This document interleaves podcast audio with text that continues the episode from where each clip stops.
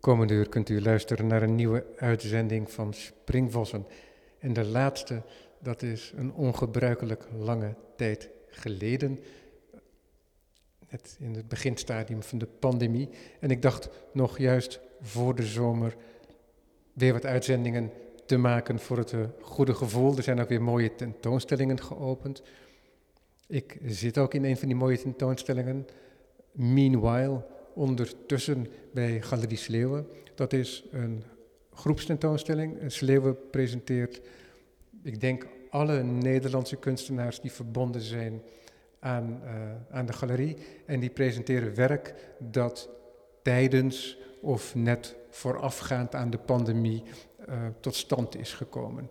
Dat is werk van beeldhouwer Ruud Kuijer en zijn vorig jaar overleden vriend, of vriend, collega moet ik zeggen, um, Lon Pennock. Ik zit hier naast werk van Joris Geurts. Aan de andere kant uh, is er werk van Krijn de Koning en Michael Jacqueline. Ik noem niet iedereen, denk ik nu, maar Jan van Munster uh, schijnt hier ook achter mij met een mooi lichtwerk. En tegenover mij zit Roos Deus. Dankjewel Roos dat je hier bent. Uh, Vooral duidelijk, mijn naam is Robert van Altena. Roos, jij en ik spraken elkaar al een keer eerder.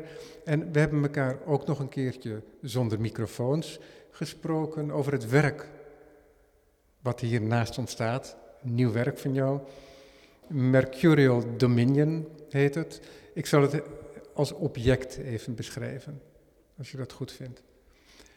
Het is een tafelframe metalen, stalen tafelframe van zo'n 2,75 lang en iets meer dan 1,40 diep. Aan de linkerkant is er een stalen blad op het frame gelegd en daarop is er een hoek gelast en op die hoek staat een Apple computer, zo één waarvan de computer en het scherm één zijn. Dus de computer heeft ook zijn eigen voet. En het scherm is eruit gehaald. Dus er is wel een transparant scherm, maar het beeldscherm zien we niet. Dus we kijken direct op de organen van de computer. En door het plastic venster heen komen de draden verbonden zijn aan, die verbonden zijn aan een aantal instrumenten in de computer. Die draden die lopen naar rechts en daar in een uh, verlaagde stalen bak, hangend aan het frame, komen we het beeldscherm tegen. En in het beeldscherm is er een videoopname te zien. Eh, wat voor opname het is, dat gaan we natuurlijk het komende uur bespreken. Maar er staat hier dus een sculptuur met een computer. En tegelijkertijd is het ook, en dat zijn we van je gewend, is er een, een videobeeld. Um, en zo'n videobeeld is bij jou nooit een projectie, of dat is het zelden. Uh, er is altijd, uh, maakt het deel uit van een fysieke omgeving. Goed, dit ter introductie. Dankjewel nogmaals dat, dat we hier zitten voor het eerste gesprek. Hoe ben jij de afgelopen tijd doorgekomen? Heb je nog wel kunnen werken hè, voordat we dan hè, verder ingaan op ja, het beeld? Ja, ik, ik ben eigenlijk altijd wel bezig met nieuw werk. En um, op dit moment heb ik ook gedacht om een bepaald werk, wat ik al eerder gemaakt heb, om daar het geluiddeel dan eens uit te lichten en daar weer op verder te werken. Dus als je vraagt wat ben je nou echt uh, actief aan het doen, dan is dat op dit moment um, een werk uh, waarbij ik het geluidsdeel van het werk van uh, Unequal Times, Measured by Each Other, waar ik bezig was met de spatiëring tussen vogelgeluiden die, um, die je ochtends hoort, dus, hè, de, die een relatie hebben met de opgaande zon, is er dus vastgesteld door biologen dat uh, vogels reageren op licht. En ze reageren op dusdanig precieze manier op licht dat iemand die heel goed uh, vogels zou kunnen determineren, zou kunnen zeggen aan het geluid van bijvoorbeeld het roodborstje, oh het is nu uh, vijf voor zes. En dat, heb ik, dat vond ik zo fascinerend, want gewoonlijk zijn we met, uh, met mijn voornaamste fascinatie is en blijft licht. Maar niet op de wijze zoals bijvoorbeeld Jim Terrell of zo daarmee werkt. Alhoewel ik grote waardering heb voor zijn werk, denk ik ook dat er andere aspecten zijn aan licht. En dat is dan bij mij vooral uh, de waarneming tussen het licht en hoe, hoe zich dat verhoudt tot onze fysieke uh, zijn. En ik vond het om die reden zo geweldig interessant dat zo'n kleine vogels die reageren op de verschuiving van het licht. En weet je dan op enig moment blijkbaar bij een bepaalde lichtintensiteit van uh, nu moet ik gaan uh, zingen of fluiten. Er zijn altijd discussies over in de biologenwereld of dat het zingen of fluiten is. Maar toen had ik dat um, een hele mooie sequentie van gemaakt. En um, nou, uh, de opnames um, waren ook goed gelukt. En waar ze niet goed gelukt waren, heb ik gewoon opnames geleend. Maar toen werd het uiteindelijk ook wel een beetje een braaf werk. En toen heb ik besloten om juist de ruimtes tussen de vogel, dus als het ware het moment waarop dus de natuur wacht op dat nieuwe verschuiven van licht naar die nieuwe impuls van dat er dan een vogel gaat zingen, vond ik eigenlijk op enig moment um, veel interessanter. Dus eigenlijk het onzichtbare tussen de twee uitingen van hè, de articulatie, de tune zo zeggen, dat vond ik eigenlijk toen veel interessanter. En dat onzichtbare deel van de waarneming, het onzichtbare deel van hè, dat je als het ware wacht op dat die, die andere vogel is net opgehouden of die zit nog een beetje te fluiten, maar dan begint dus de volgende. Dat deel zie ik wel een parallel in toen ik dus dit teruggenomen heb met het werk wat we hier zien. Omdat het eigenlijk ook gaat over dat wat onzichtbaar is, dat wat in afwachting is of dat wat latent is. Om dat nou juist te laten zien, of dan in het geval van het geluidswerk natuurlijk te laten horen. Dus dat ben ik op dit moment, uh, daar ben ik mee bezig. Daarnaast ben ik bezig met uh, fotowerken die er eigenlijk op neerkomen dat ik uh, hoog in de bergen aan het wandelen was in, nou dat was alweer maart. En met een soort verbazing, de sneeuw was, de, de passen waren net open, in Zwitserland was dit. En de sneeuw was aan het terugtrekken en dan op een nou, dat heeft iedereen wel gehad die daar ooit gelopen heeft. Dan ben je vol verbazing, die sneeuw trekt terug. Er komt een grijze, korstige landschap, rotspartijen. En plotseling zie je overal in een razend tempo hele felgekleurde bloempjes uh, uit de grond schieten. En toen ik daar liep, toen dacht ik, het deed me dat denken aan pixels in een enorm landschap. Als je het, uh, de maat van het landschap zou uh, vergelijken met een enorm videoscherm of videocomputer of whatever dan zouden dus die kleine kleurtjes zouden dus pixels zijn in een gigantisch groot landschap. En thuiskomend dacht ik, zou het nou niet interessant zijn om nou eens te kijken hoeveel zo'n kleine hoeveelheid kleur uiteindelijk heeft op het totaal van het eh, fotografische beeld wat ik daarvan gemaakt had. En daar ben ik dus nu mee bezig. En in eerste instantie heb ik dat gedaan door als een soort uh, uh, tovenaar alle kleuren die zich in die foto uh, bevinden met elkaar, door elkaar te roeren alsof ik in een enorme verfpot sta te mengen. En dan zie je dus dat kleine verschillen in positie, geografische positie in het landschap, al een enorm verschil geven in het soort groen of beige of, of zacht paars, wat daaruit. Ja, ja dat is de interaction of colors. Precies. Om Jozef Albert dan uh, precies, erbij te halen. En je zegt het mengen van verf. Maar het, eigenlijk is het het mengen van deeltjes, van kleurdeeltjes. Ja, precies. want verf, dat is dan een emulsie en ja. Ja. dat gaat dan echt door elkaar. Ja. En in dit geval is het zo dat het ook door elkaar raakt, maar de elementjes blijven zichzelf.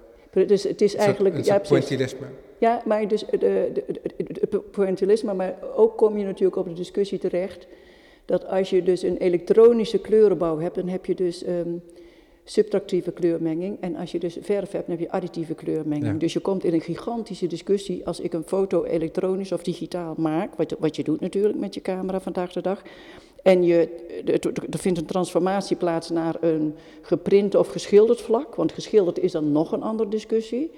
Dan zit je al um, in een relatief simpele gedachte, zit je al in drie verschillende kleursystemen en drie verschillende kleuropbouwen te denken. Namelijk de, uh, de digitale print is um, yellow, magenta, cyaan.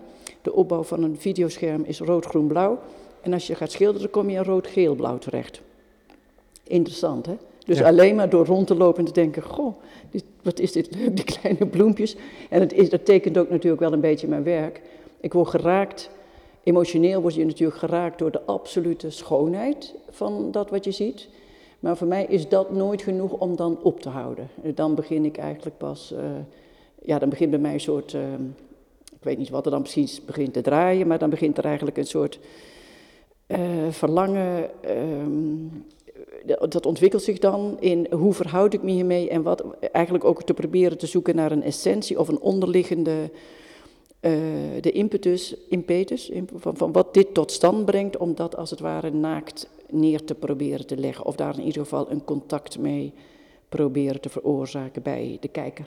Ja, maar dan ook altijd in relatie tot video. Niet altijd video, nee. In dit geval is het uh, een elektronisch beeld, een digitaal beeld. Maar het was geen video, dit waren foto's, het waren stils. Ja. Stille beeld, foto's. Ja. Maar meeste, met mijn grootste nadruk in mijn werk, ligt wel op uh, het bewegende beeld, het videobeeld, ja. ja.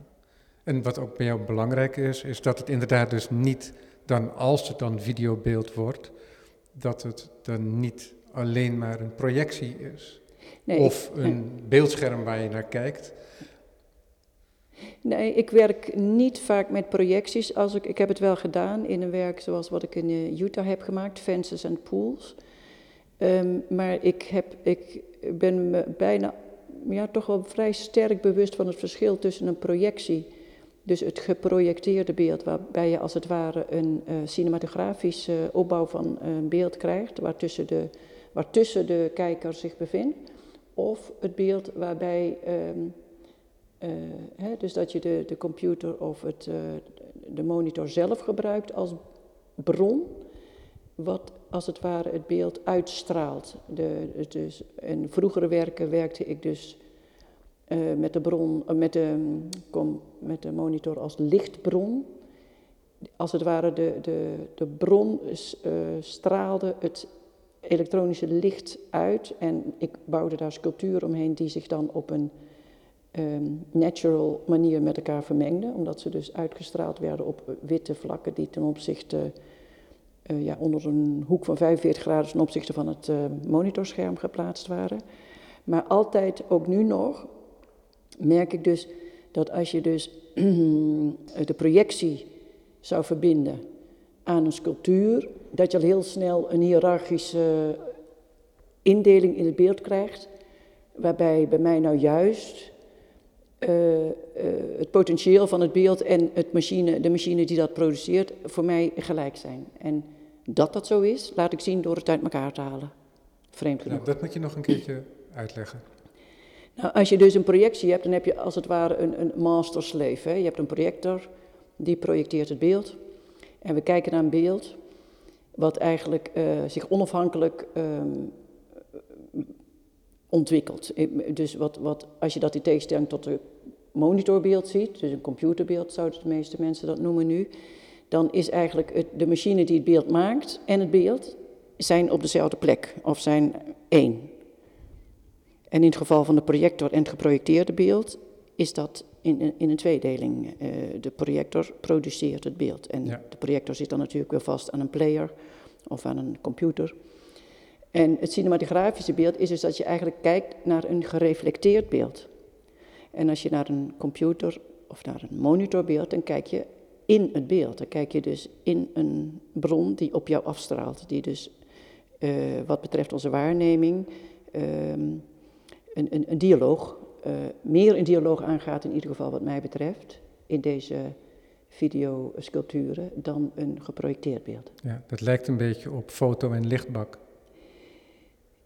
Ja, in die... Want uiteindelijk ja. ligt een foto natuurlijk ook op, omdat, er, omdat het licht reflecteert. Ja, maar in... Het is niet uh, helemaal gelijk. Maar. Nee, het is niet helemaal gelijk. Het is eigenlijk dat dus... Um, kijk, een, een, foto, en, en dan hebben we het weer over de, de, de kleursystemen waar we het al eerder over hadden bij die bloemetjes in de bergen. Een foto is eigenlijk een opbouw van een kleursysteem met yellow, magenta en cyaan. En heeft daarom de kleur en, en, en, hè, die het heeft. Als je zou proberen om dat uh, te imiteren, want, want, je kunt een beeld, zo, zo, kun je laten ontleden in zoveel yellow zit erin, zoveel magenta, zoveel cyan. Dan kun je gewoon percentages aangeven. Maar als je dat dus zou overzetten naar um, schilderen, dan zou je dus niet dat beeld krijgen. Omdat dus de wijze waarop een schilder werkt, en ik ben helemaal ooit begonnen als een schilder, daarom fascineert me die relatie ook zozeer. Um, dan krijg je dus niet het beeld wat je dus dacht dat je zou kunnen krijgen, omdat er dus twee verschillende kleursystemen zijn, het subtractieve en de additieve kleurmenging. Dat is een totaal ander iets. Ja. En dan kun je misschien afvragen, ja, dit klinkt allemaal heel technisch. Niet dat je dat al gezegd hebt hoor, maar uh, ik zie je wenkbrauwen omhoog gaan. Um, maar juist dat, dus het feit dat er dus de waarneming zozeer afhangt van al die um, onderliggende structuren en mechanismes, dat fascineert mij enorm.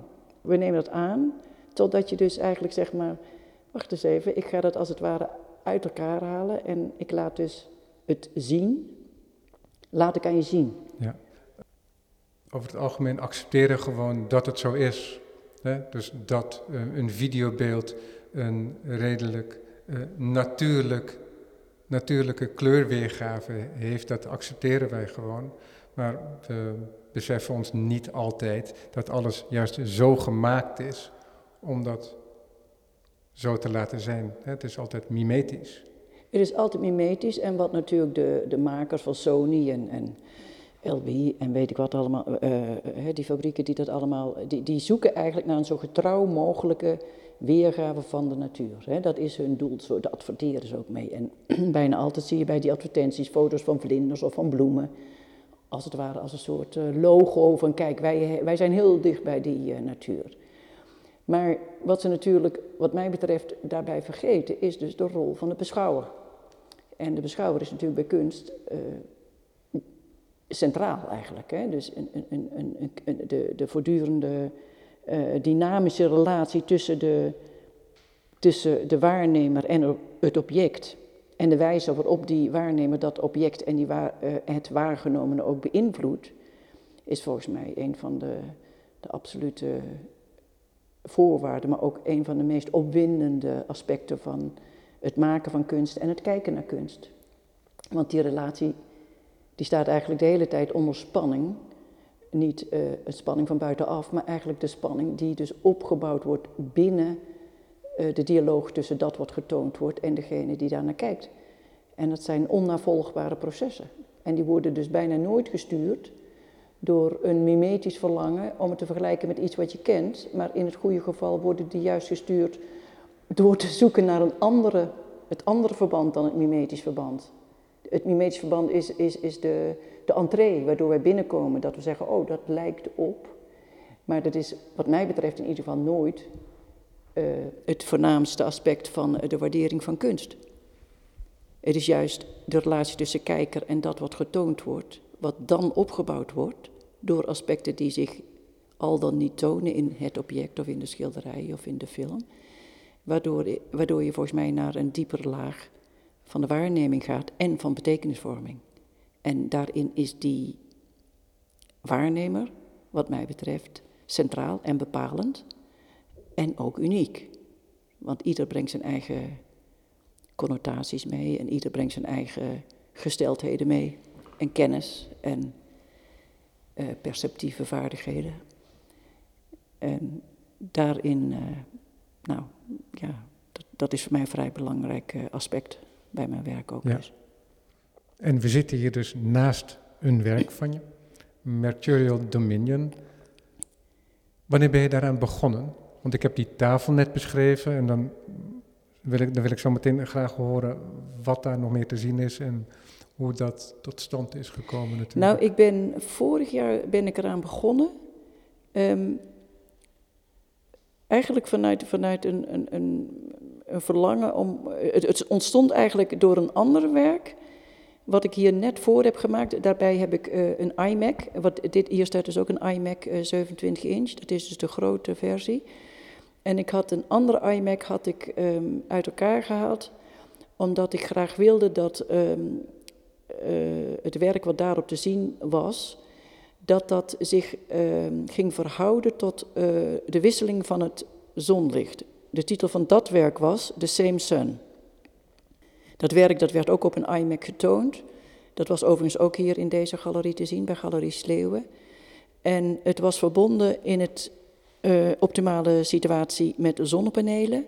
En de iMac werd dus gevoed door zonnepanelen en toonde zelf ook beelden van, uh, twee beelden van een uh, zonsopgang over een schemerlamp. En het gaat te ver om dat hele werk hier te beschrijven, maar in ieder geval op enig moment dacht ik, het zou natuurlijk heel mooi zijn als ik nu niet alleen uh, de, titel van het werk was The Same Sun. En ik dacht, het zou natuurlijk heel mooi zijn als ik dus de uiterste consequentie van neem, dat dus niet alleen de computer wordt gevoed door zonne-energie, maar dat dus de intensiteit van het beeld ook verandert onder invloed van de zon. En daarvoor is er dus een heel klein computertje in de iMac gebouwd, de Arduino-computer. En die regelt dus trappeloos dat als je dus buiten een wolk voor de zon voorbij ziet gaan, dat dus het beeld op de computer beetje verandert. En eerst weet je niet helemaal zeker of dat zo is. En dan daarna denk je van, hmm, ik heb het niet goed gezien. Maar ondertussen speelt de film zich gewoon af. Toen ik die computer open had gelegd, toen dacht ik, wat is dit geweldig. En ontstond bij mij eigenlijk het verlangen om dus niet langer een beeld op die computer te tonen, maar eigenlijk die computer zelf te gaan tonen. Dus de ingewanden noem ik het dan van de computer. Om die zelf als het getoonde beeld te maken. Daarom is ook de glasplaat teruggezet voor de ingewanden, noem het nou maar even.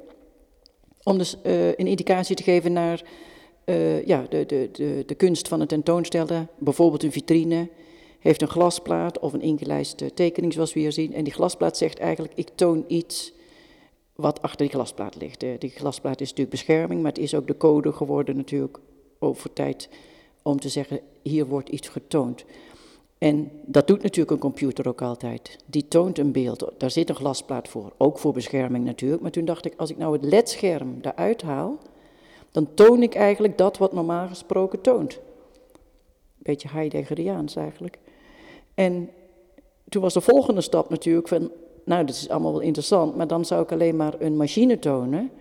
Maar ik wil eigenlijk dat de ledscreen, wat ik eruit had gehaald, ik wil dus dat daar dan toch beeld op komt en dat je als het ware een, een uh, dichotomie ontstaat tussen uh, een tweedeling voor dat wat normaal gesproken toont, wordt nu zelf getoond, maar het toont op afstand toch ook nog iets en daarom heb ik daar letterlijk die afstand, de fysieke afstand tussen gecreëerd door de kabels te verlengen.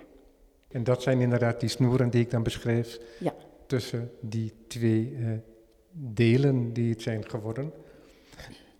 Maar dan is er ook nog, want dit sluit ook aan bij wat je eerder zei, hè, over het verschil tussen het geprojecteerde beeld en het stralende beeld. Er is ook daadwerkelijk een opname te zien ja.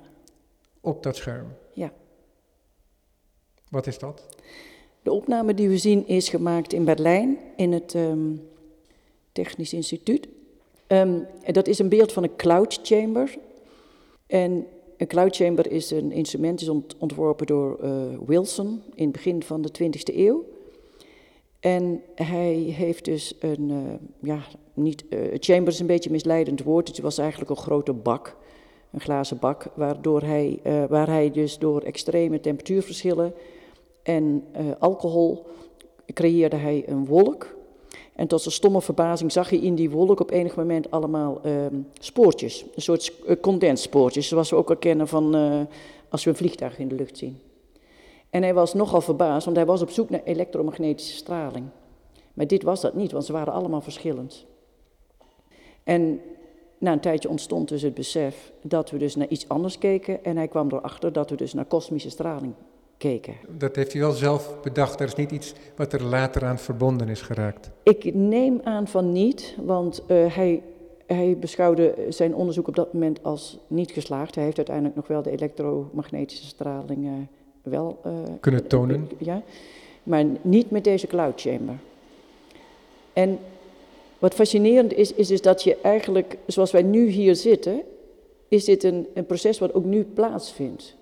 Dus de als de installatie helemaal goed, uh, dus in zijn meest optimale vorm getoond zou worden, dan zou ik heel graag hier een cloud chamber bij hebben, waar een camera dus deze opname laat ja, zien. Maar volgens mij moet je toch voor de mensen, kijk, ik heb, ik, je hebt het mij een half jaar geleden ongeveer al een keer verteld, maar volgens mij moet je toch iets dieper ingaan op wat die cloud chamber is, want het is fascinerend. Ik zou echt zo in de trein springen om naar Berlijn te rijden, ja. om die grote kamer, die bak, te zien. Want dit is een bak van groot formaat. Ja, het is, uh, eigenlijk is hij um, iets groter dan de tafelstructuur waar we nu naar kijken. Maar hij is ongeveer 40 centimeter hoog. En is van glas. En dus um, je moet je voorstellen dat onder, dat, uh, onder die glazen bak, net als een aquariumbak, maar dan heel groot en, en um, ja, een hoogte van ongeveer 40 centimeter, een lengte van 2,40 meter. Daar bevindt zich dus een koude element En in de bak zelf bevindt zich een soort uh, gootje waar um, alcohol doorheen stroomt. En die druppelt dus in die bak, maar doordat hij dus met die extreem koude bodem in aanraking komt, ontstaat dus een wolk. En dan zie je dus in die wolk zie je condenssporen. En wat zijn nou die condenssporen? We zien niet de deeltjes zelf, maar we zien dus alfa, beta en gamma deeltjes. Die dus hun weg zoeken in het heelal. Die zijn miljoenen jaren geleden. Is er ergens een of andere ster ontploft. En die komen dus nu op de aarde. En gaan ook door het mensenlichaam heen. Gaat door alles heen. En zijn niet zichtbaar. Zoals we nu hier zitten te praten, zijn die ook hier in onze omgeving. Maar zodra je dus die cloud hebt, dan wordt als het ware het spoortje wat ze achter zich laten, dat wordt getoond in een condensspoor. En dat zien we. Ja, en die alfa, beta en gamma stralen, die hebben ieder een eigen verschijning. Precies, juist. En, en, wat interessant is ook, het ziet eruit ook als een inslag, omdat ze op een bepaald moment in een traject worden ze zichtbaar gemaakt door die alcoholnevel. Ja, en dan zijn ze ook weer weg. Ze, ze, ze zijn super klein natuurlijk, maar dat spreekt voor zich. En ze worden als het ware even uh, in die cloud, worden ze, uh, hun spoortje wordt zichtbaar en ze zijn weer weg. Dus ze schieten van links naar rechts, alle richtingen ook. Hè, het is niet dat ze bijvoorbeeld gestuurd worden door, door wind of wat dan ook. Ze schieten alle kanten uit. En waar je naar kijkt is een, um, ja, waar kijk je naar? Je ziet dus, je ziet dus als het ware een, een zeer bewegelijk patroon, want het is wel vrij regelmatig, van drie verschillende soorten condenspoortjes. Eentje daarvan is een beetje een soort, soort krulletje, vormt hij de hele tijd. De andere zijn vrij uh, rechte, korte stukjes um, spoor. En dan heb je de gammastralen, zijn dus vrij lange, rechte lijnen. En dat zijn dus ook de, de stralingen die over het algemeen um, nou ja, waar we wat meer beducht voor zijn, want die zijn, uh, zouden kankerverwekkend kunnen zijn. Maar bijvoorbeeld in, um, in de situatie zoals we nu hier zitten, heb ik, dus toen ik het opnam, had ik er dus een paar gezien, maar ook, ook niet zoveel. En je kijkt ernaar, eerst, eerst word je getroffen door de schoonheid en dan ga je je afvragen, wat is dat? En dat is eigenlijk het onderscheid in de, dus de soort condensspoor geeft aan wat voor soort deeltje het is. En dat kwam jij tegen op jouw bezoek aan dat instituut? Of ben je er speciaal voor naartoe gegaan? Nou, ik wist het al wel. Het is in, um, uh, in een aantal universiteiten, onder andere in Göttingen en in um, Cambridge, hebben ze hele mooie uh, cloud chambers. En ik heb er zelf ook één gebouwd in mijn atelier. Wel een kleintje natuurlijk. Maar uh, toen ik in Berlijn was, wist ik ook dat ze daar een hele grote hadden. En dacht ik, nou, dat, daar zal de op, opname, daar was ik dus toen voor, zal ook daar wel het beste lukken, omdat die van alle kanten benaderbaar was en heel mooi opgesteld was. En daar heb ik hem toen opgenomen. Ja, precies, vandaar ben je gaan filmen vervolgens, ja. want je wist toch, daar moet ik, wil ik een werk mee maken. Ja, nou, maar niet dit werk. Dat is ja. nou het vreemde bij mijn manier van werken. Ik word in eerste instantie getroffen door de vreemdheid en, en door de schoonheid ook. Maar weet eigenlijk dan nog helemaal niet zo goed, heb ik je geloof ik ook al eerder verteld, van wat ik er nou mee wil. Ja, nou spreek vrij uit, want de rest van de wereld heeft niet meegeluisterd. Maar toen, nee, maar het, ik geloof dat ik dat in het vorige interview ook gezegd heb met je. Maar dan na een tijd, en dat was dus op het moment dat, dus, dat ik die computer dus open had gelegd. Um, ja, dat klinkt misschien arrogant, maar dan ontstaat er eigenlijk op een hele natuurlijke manier zo'n gevoel van, oh, maar hier hoort dus ook dat bij wat anders onzichtbaar is en nu zichtbaar is gemaakt. En dan is het bijna als in een droom dat ik denk van, daar moet dus dan nu die opname van die cloud chamber bij. Maar het is dus niet omgekeerd. Het is niet van, oké, okay, nou we hebben die opname gemaakt en nou ga ik daar eens een werk mee maken. Ja. Het is eigenlijk dat gelijktijdig um, in mijn werk en, en ook in mijn, in mijn studio... Uh, uh, praktijk, dat uh, dingen zich naast elkaar, die zijn er als het ware gewoon. En op enig moment worden ze met elkaar ja. verbonden. En dat met elkaar verbinden, dat is bijna altijd de manier waarop, ik, waarop mijn werk tot stand komt. Ja. En het is ook het pleidooi voor, um, voor een, een, een studiopraktijk. Hè? Het, het, zijn van de dingen, ze, ik, ik noem het altijd, ze liggen gewoon een beetje te slapen. En ze worden als het ware wakker gemaakt door te zeggen van, ik, je gaat nu dus een, een, een verbindenis aan met een ander deel van waar ik um, denk, hè, waarvan ik denk dat dat een goede uh, combinatie zou zijn. En vanuit daar, want, want dat is het mooie, dan komen ook twee delen die dus heel erg in de tijd op een totaal ander moment zijn gemaakt door je. Ik geloof dat dat voor een kunstenaar een heel mooi moment is, als dus die twee ehm, momenten in de tijd dan met elkaar verbonden worden. Uh, datgene wat jij gefilmd hebt, dat zijn allemaal kleine gebeurtenissen. En die gebeuren overal, ook buiten het instituut en ook buiten de cloud chamber. Alleen daar is het te zien en daardoor word je er bewust van. En dat is natuurlijk heel gek dat je er bewust van wordt dat ik jou door, laten we zeggen, die plensbui van inslagen zie, zonder dat ik mijn beeld verstoord wordt, omdat ik ze niet zie. En je hebt die gebeurtenissen heb je gefilmd, dus het zijn van die gebeurtenissen die zijn als het ware vastgelegd. Ze bewegen, ze verschijnen. En tegelijkertijd toon je dat hier weer in een soortgelijke omgeving, want we kunnen ons er niet aan onttrekken. Ja. En, um, en je toont het ook in de bak die het zichtbaar maakt. En die bak die heeft eenzelfde functie als de computer hier, die daarnaast staat. Ja. Die met allerlei koorden verbonden is aan het scherm.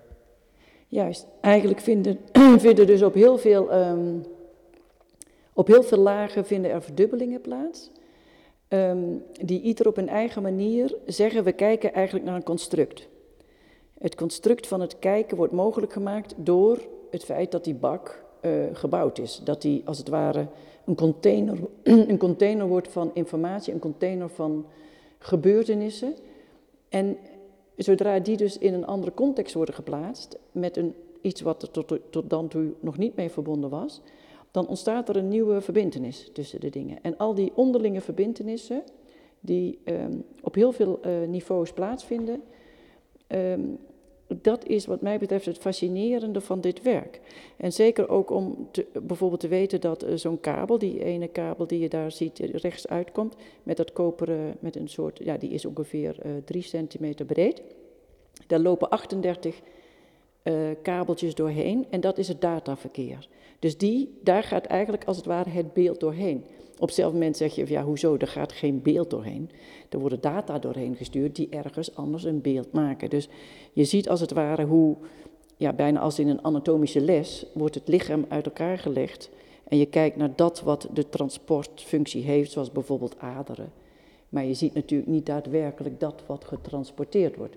Dus um, dat vind ik bij dit werk uh, werd ik daar extra stevig mee geconfronteerd, omdat ik eerst geprobeerd heb die kabel zelf uh, na te maken, uh, solderen, 38 van die dingen, samen met mijn uh, assistent.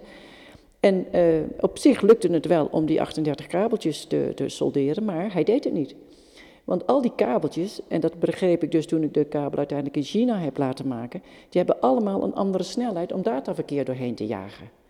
Dus gaandeweg lijkt iets wat op het eerste ogenblik um, een soort, wat ik in mijn tekst hier over dit werk noemde, de bedriegelijke transparantie, hè, de, de, de verleiding van de transparantie ook, dat we denken als we iets maar transparant genoeg maken, dan begrijpen we het. Dat wordt juist daardoor nog, nog onmogelijker. Dus er zit een soort enorme contradictie in het werk van iets wat lijkt dat nu inzichtelijk gemaakt wordt, iets wat lijkt dat transpa transparant gemaakt wordt voor je, wordt door, diezelfde, door datzelfde ehm, door diezelfde handelingen wordt het eigenlijk steeds ontransparanter en ondoorzichtiger. Terwijl je dacht dat je dus een uitleg kreeg, dat je een anatomische les kreeg, dat je een uiteenzetting kreeg over, hè, als een soort, uh, ja, was de anatomische les van uh, professor Tulp. Dat je weet, oké, nou zit die, die, die ader, die zit dus nu aan dat hart of die zit dus aan dat ingewand. Maar dan vervolgens ontstaan dus de wezensvragen de, de echte vragen. Hè, de, je kijkt, en, en dat is wel wat ik met dit werk heb proberen te, uh, uiteen te zetten. Het is volgens mij ook een voortdurende uiteenzetting. Het is, en daarom zou ik ook het liefst hebben dat er een live cameraopname op die LED-screen te zien was. Ja. Die dus live hier de kosmische straling zou tonen. Ja, ja wat, wat, wat interessant is natuurlijk, is dat die energie en die informatie, hè, die gamma kappa en uh, beta-straling. Die informatie, daar hebben wij geen invloed op. En um, je probeert invloed te krijgen op die informatie van de computer naar het scherm. En dan blijkt je dat dat net iets gecompliceerder ligt dan je dacht. waardoor je ook gewoon heel duidelijk laat zien dat ook die, die weergave van dat natuurlijke proces via een construct, een technisch construct tot stand komt. Want je komt, zo'n computer is een eenvoudig apparaat geworden als je er tegenaan kijkt en als je er gebruik van maakt. Maar er zitten heel veel technische vernuft zit erin om het tot stand te laten brengen, zelfs tot en met het kabeltje aan toe, ja. waarin de data getransporteerd wordt. Maar wat natuurlijk het, het, uiteindelijke verlangen is met deze werken, is dus de kijker in contact te brengen met um, het ultieme onzichtbare. Dus het ultieme onzichtbare, dat, is... Um, we, we, hebben voertuigen nodig als kunstenaars. En ik geloof dat mijn werk, en dit werk in, in het bijzonder, een voertuig is geworden om je dus in contact te brengen met een voorstelling van het mogelijke ultieme onzichtbare. En dat is een term die uh, uh, een, dichter waar ik erg van hou, jo, uh, Gerard Manley, Gerald Manley Hopkins, het over heeft. Eigenlijk kom je dan in aanraking met, als kijker, hij was iemand die zich, nou ja, hij was een dichter, maar hij was ook een zeer goed waarnemer, heeft waarnemen ook in heel veel van zijn gedichten tot eerste categorie van, van aandacht verheven, zou ik bijna zeggen. En op het moment dat je dus.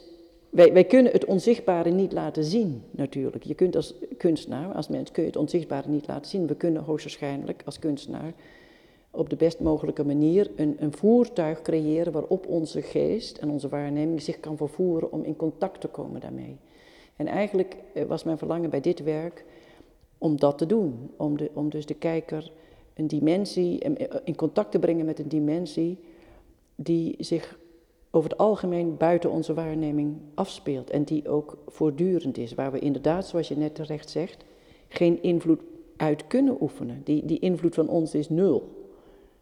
Maar wel kunnen wij machines sturen. En dat is ook wat ik in die tekst schreef over de verbinding tussen dat lichaam en die machine, ligt voor mij in die categorie. Dus niet in de categorie van ja, hoe ver zijn mensen nu computers of computers mensen. Nee, ik denk eigenlijk dat ik de computer uh, zie als een, een, een, mogelijkheid om dus daarmee in contact te komen. En dat ik dat wil, toon ik dus door te zeggen, ja kijk, die computer die gaat dat nu aan ons tonen. Die computer heeft dus alle andere functies eventjes niet meer, die doet hij niet. Het wordt als het ware een, een vehicle. Ja. Weet je wat ik heel interessant hieraan vind? Als je zegt dat je het onzichtbare wilt tonen, je hebt na de Tweede Wereldoorlog is er een enorme fascinatie ontstaan voor, voor licht. Hè. Enerzijds werd het schilderij steeds meer object, hè, het brak door het kader heen. Hè. We hebben Schoonhoven die zijn rasters gaat maken en Fontana die het doek doorsnijdt. Maar tegelijkertijd heb je ook kunstenaars die proberen steeds meer met licht te doen. Dat hadden we met Peters natuurlijk en rond de nulgroep, maar de Duitse zero-groep, daarin gebeurde dat ook. En daar moest ik altijd om lachen, omdat met name bij de Duitse tak, als wij lichtwerken wilden maken, dan werden dat enorme constructies. Ze zijn niet allemaal in die grootte uitgevoerd, maar ze werden ontzettend groot gedacht. We hebben het over enorme reliefs die gepland waren in de Sahara om een lichtspel te tonen. Terwijl je zou kunnen denken zo van ja, er zijn al rotsformaties, er zijn al zandduinen, die, dat licht manifesteert zich al. Dus dat idee, die fascinatie voor iets wat wij als immaterieel zien, licht, hè, wat uiteindelijk ook nog materie is natuurlijk, maar energie. En dat had dan een enorme constructie nodig. En wat ik nou interessant vind, is dat jij ook bezig bent met licht, je zegt het helemaal aan het begin van dit gesprek ook, het licht is eigenlijk centraal. En wat ik heel mooi vind, is dat je dat verbindt met een andere fascinatie, namelijk met het tonen. En met het tonen via technologie. En die technologie is zelfs op historische schaal ontzettend recent. En tegelijkertijd hou jij je bezig met iets, met een fascinatie die zo oud is als de menselijke cultuur. Ja, ja. ja inderdaad. En waardoor je twee dingen die tegenovergesteld lijken te zijn, namelijk dat alomtegenwoordige licht, die energie, en een machine, om die um, samen te brengen. En je probeert eigenlijk ook iets te onttrekken aan die machine, iets te tonen van die machine dat lijkt op die puurheid van het licht. En namelijk bijvoorbeeld die datatransformatie. Maar goed, ik vind dat, ik, ik vind dat heel interessant dat je, want het ligt zo ver bij me, van elkaar af. Ja.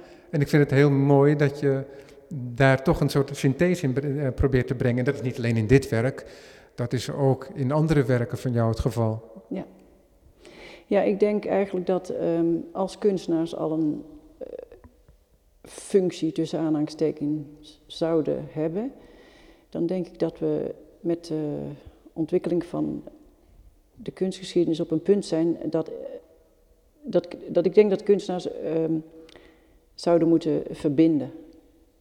En niet verbinden op een didactische manier, maar verbinden in de zin van um, uh, de, singulariteit van, van een ervaring of, of het, de singulariteit van, van een, uh, een gegeven is over het algemeen moeilijker dan dat het nevenschikkend wordt gemaakt aan iets.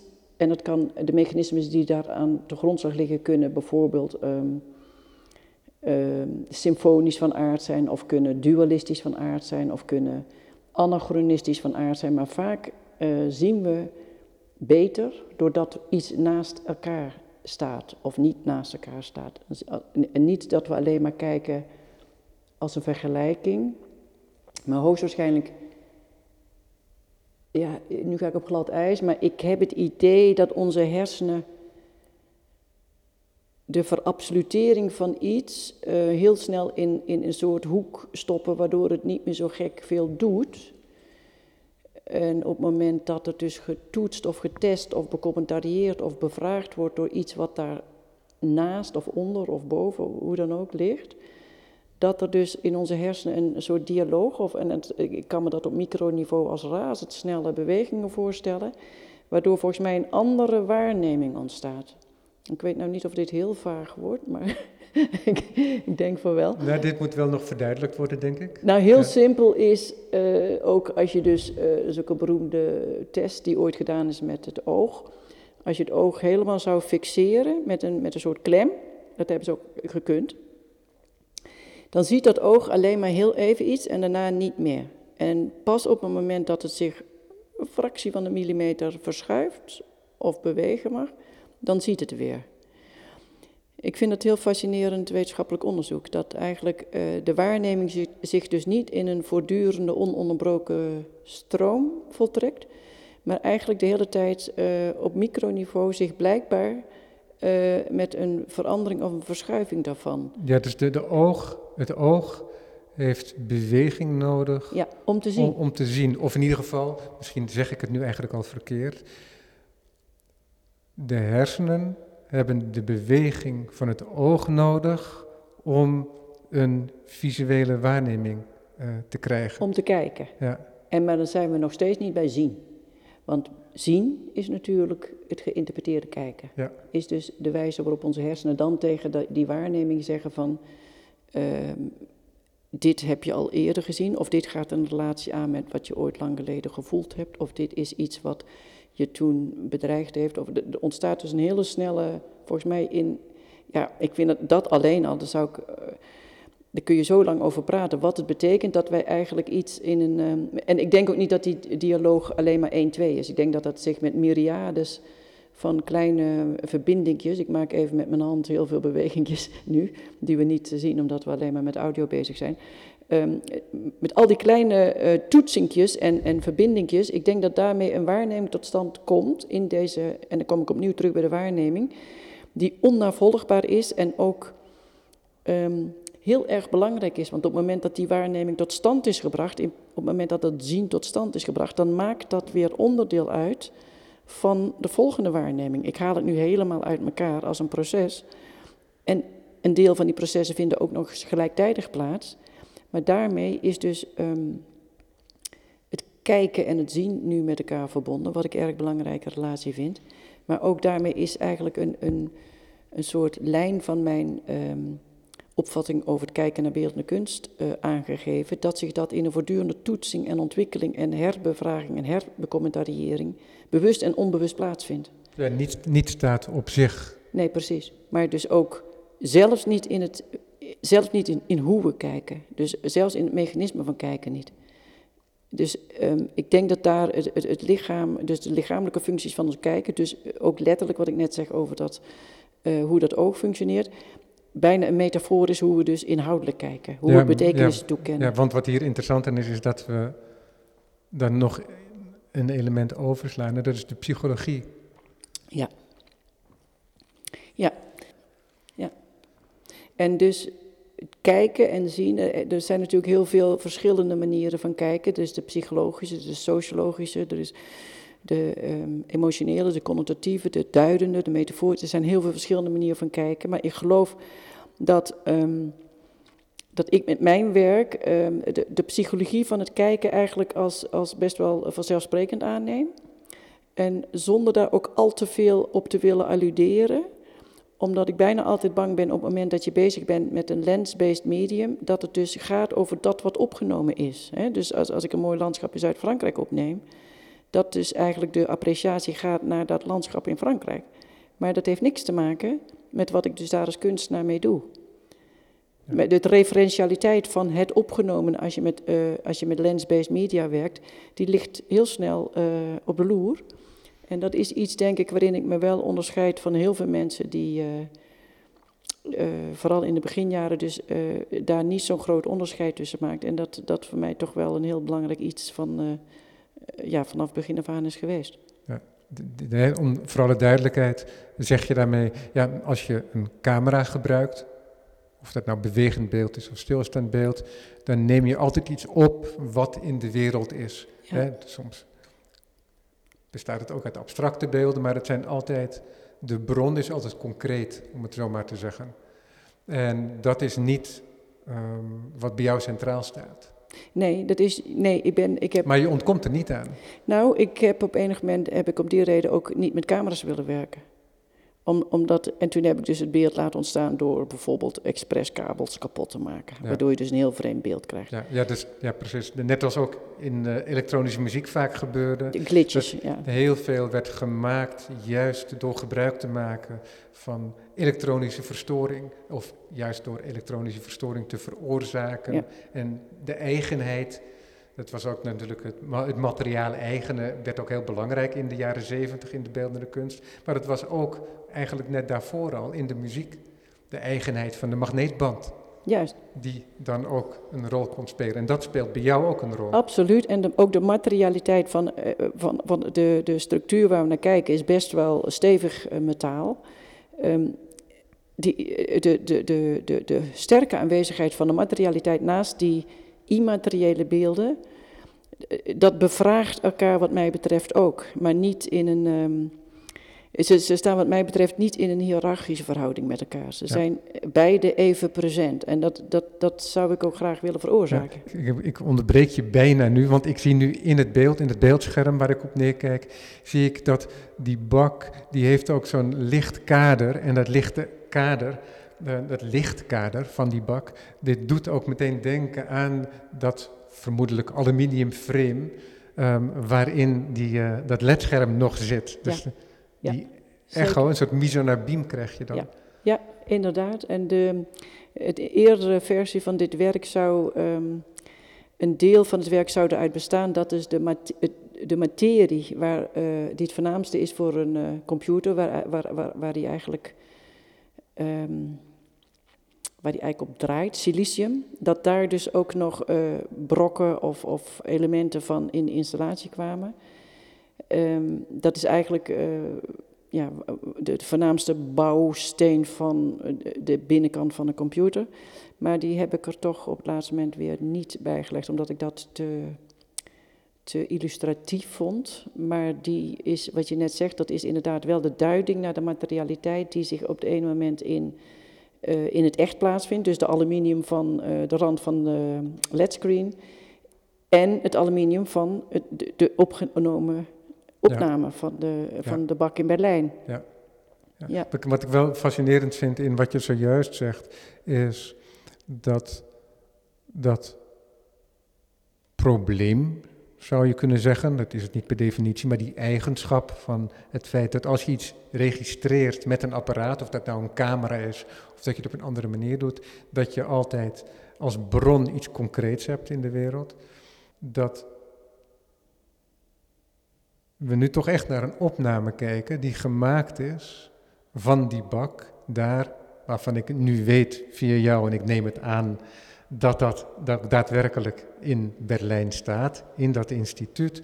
En dat die gebeurtenissen die door die bak getoond worden, dat die ook daadwerkelijk plaats hebben gevonden. Dus in die zin is het nog altijd een waarachtig beeld. Ja?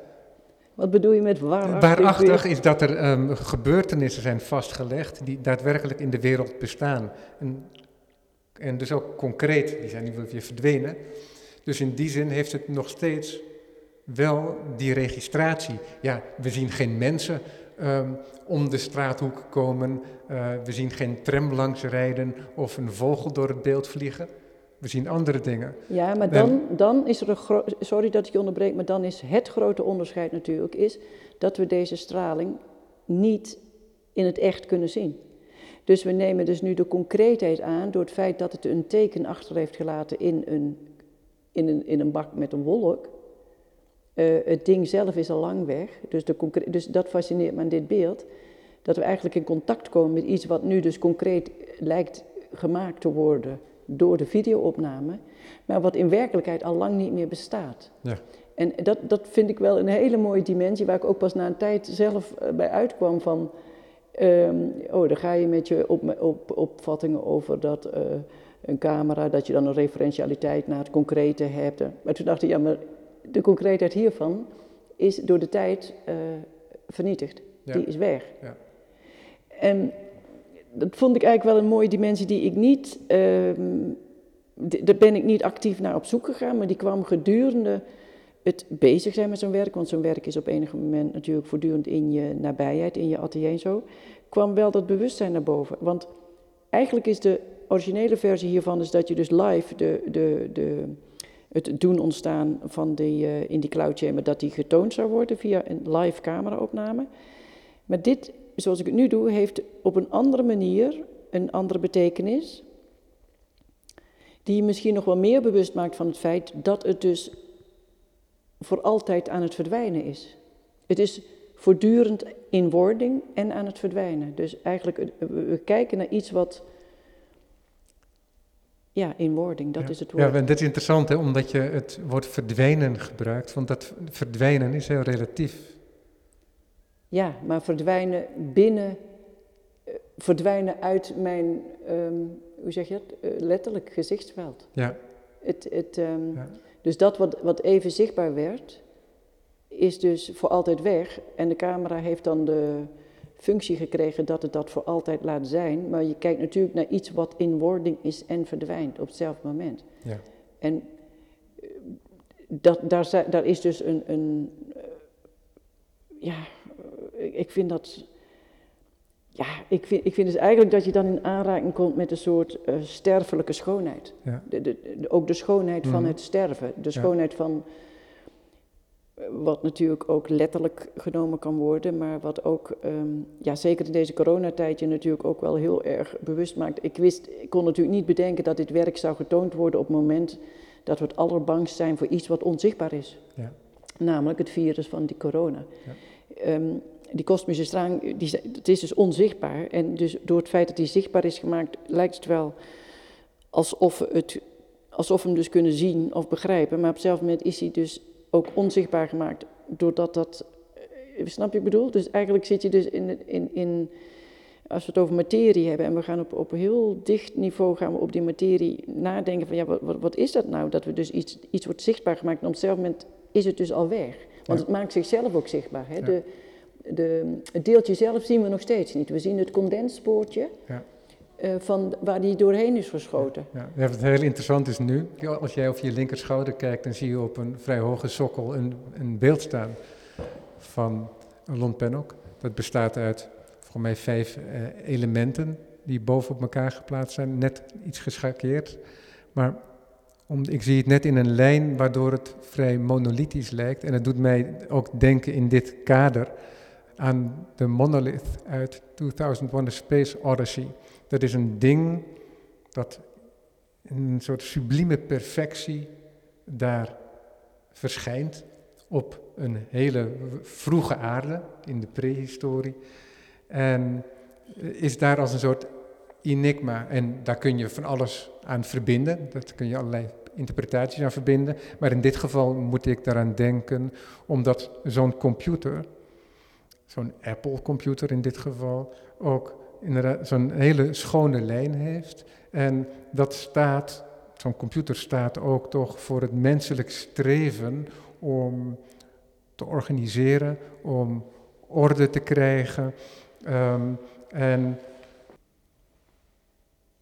bijna om de dingen zo immaterieel te maken, zodat ze gemakkelijk te delen zijn. dat we niet meer beperkt worden door ons vleeselijk omhulsel. We kunnen via een Zoom-meeting, je hebt er net een aantal gehad voordat we dit gesprek hebben vandaag, kunnen we present zijn elders.